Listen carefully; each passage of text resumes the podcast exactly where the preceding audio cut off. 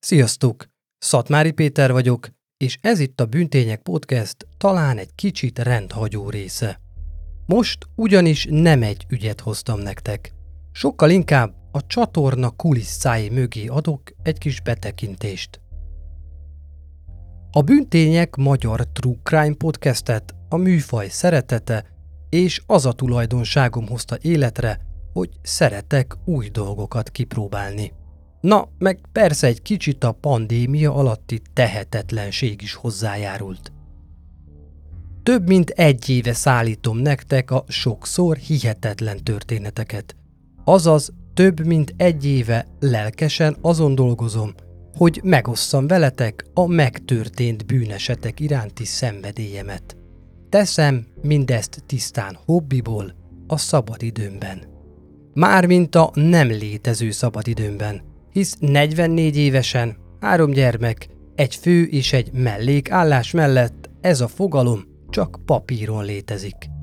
És mégis valahogyan sikerül időt találnom, elvennem máshonnan arra, hogy felkutassam, kidolgozzam, megírjam, lektoráljam, felvegyem, digitálisan átdolgozzam, megvágjam és megosszam veletek ezeket a történeteket. Szerencsémre egy ideje már segítségem is van Szilágyi Perjesi Réka személyében, aki lelkes hallgatóból csodálatos történetíróvá vált. Ő is két gyermek mellett lopott estéken írja és kutatja a részeket. De számunkra ez nem teher, mert szeretjük csinálni, és minden egyes résszel mi is többek leszünk. Tőletek azt is megtudtuk, hogy a műsorunk sokatoknak segített túlélni a hosszú munkanapokat, elindítani hétfőn a hetet, feldobni az unalmas tömegközlekedést, vagy lezárni a napot lefekvéskor egy izgalmas történettel, ami segít kiüríteni a fejet. Nem vagyunk profik, csak lelkes amatőrök, és ez azért néha meglátszik, azaz hallatszik. Viszont odafigyelünk a visszajelzéseitekre, és reméljük hibáink, gyerekbetegségeink idővel elkopnak. Élénken emlékszem az egyik korai epizód megjelenését követő napra, amikor egy hallgatótól személyes üzenetet kaptam azzal, hogy bár lelkes követője a történeteimnek, a legújabb, mintha kicsit össze lenne dobva, és nagyon sok benne a pontatlanság, hiba. Kértem segítsen, és mondja el, hol hibáztam mire válaszul percre, másodpercre bekottázva elküldte a hibalistát, amiket így másnapra már ki is tudtam javítani. Egy másik alkalommal új háttérzenével próbálkoztam.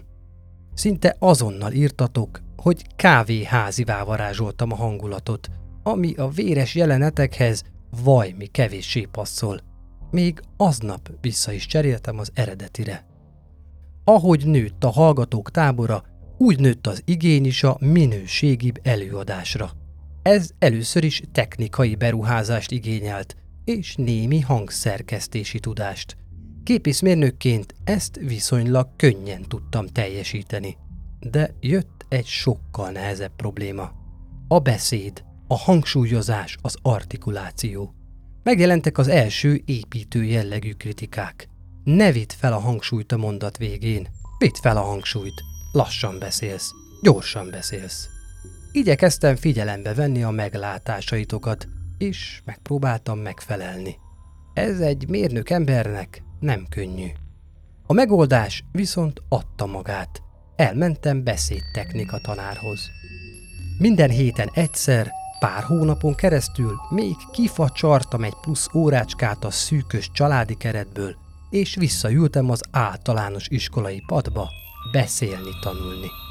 Meg kellett valljam, imádtam, és Demeter Sára tanárnőm végtelen türelemmel viszonyult felém. Figyelni kezdtem a beszédemet, ami emiatt lelassult, hiszen folyamatosan hiba keresésben és javításban voltam. Ezt is észrevettétek.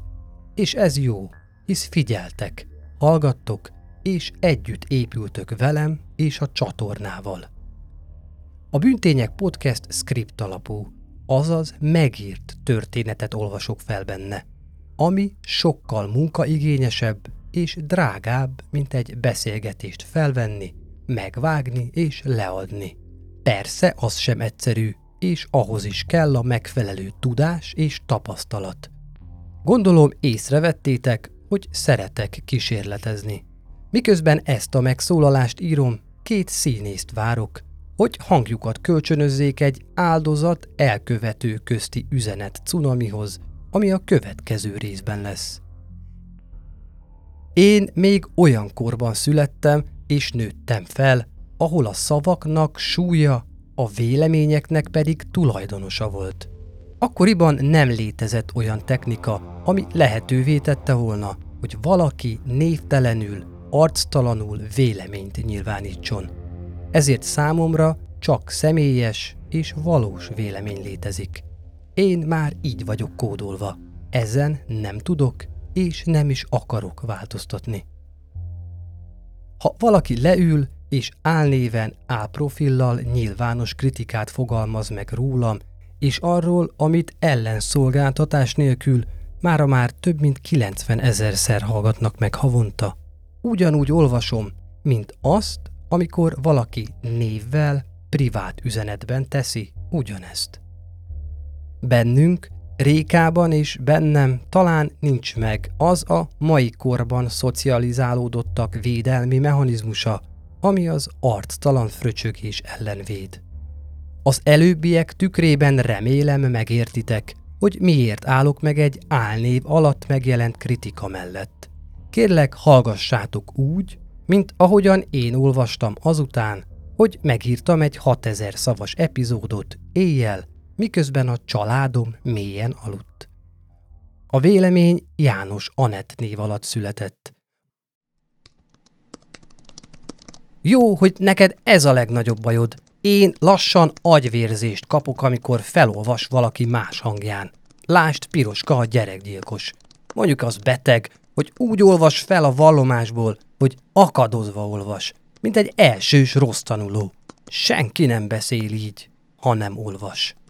Tele pontatlanságokkal, nyelvtani hibákkal. Na és amikor az eljátszott részek voltak, olyan szégyent éreztem helyettük is, 60 másodperc volt, amit sikerült meghallgatni.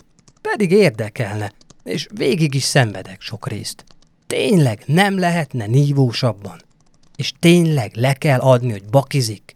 Elvárom, hogy aki beszéddel foglalkozik, legyen benne profi. És amikor elmondja, hogy mit gondolt az áldozat, miközben utána két perccel meghalt, komolyan, honnan tudná bárki, mit gondoltak szerencsétlenek? És ami borzasztó, megvan róla győződve, hogy tökéletesen csinálja. Komolyan, ami nem megy, nem kéne erőltetni. Főleg, ha az embernek ilyen hangja van, amiről nyilván nem tehet. És úgy hangsúlyoz vele, mint a szavaló versenyeken a stréberek. Egyszerűen minden rossz benne. Pedig jók a témák. Sok pontatlanság van benne. Folyamatosan gyűjtöm. Néha nem tudom, sírjak, vagy nevessek. Meg az interjúk, pff, ilyen nesze semmi fogd meg jó stílusban beszélgetni a semmiről. Miért?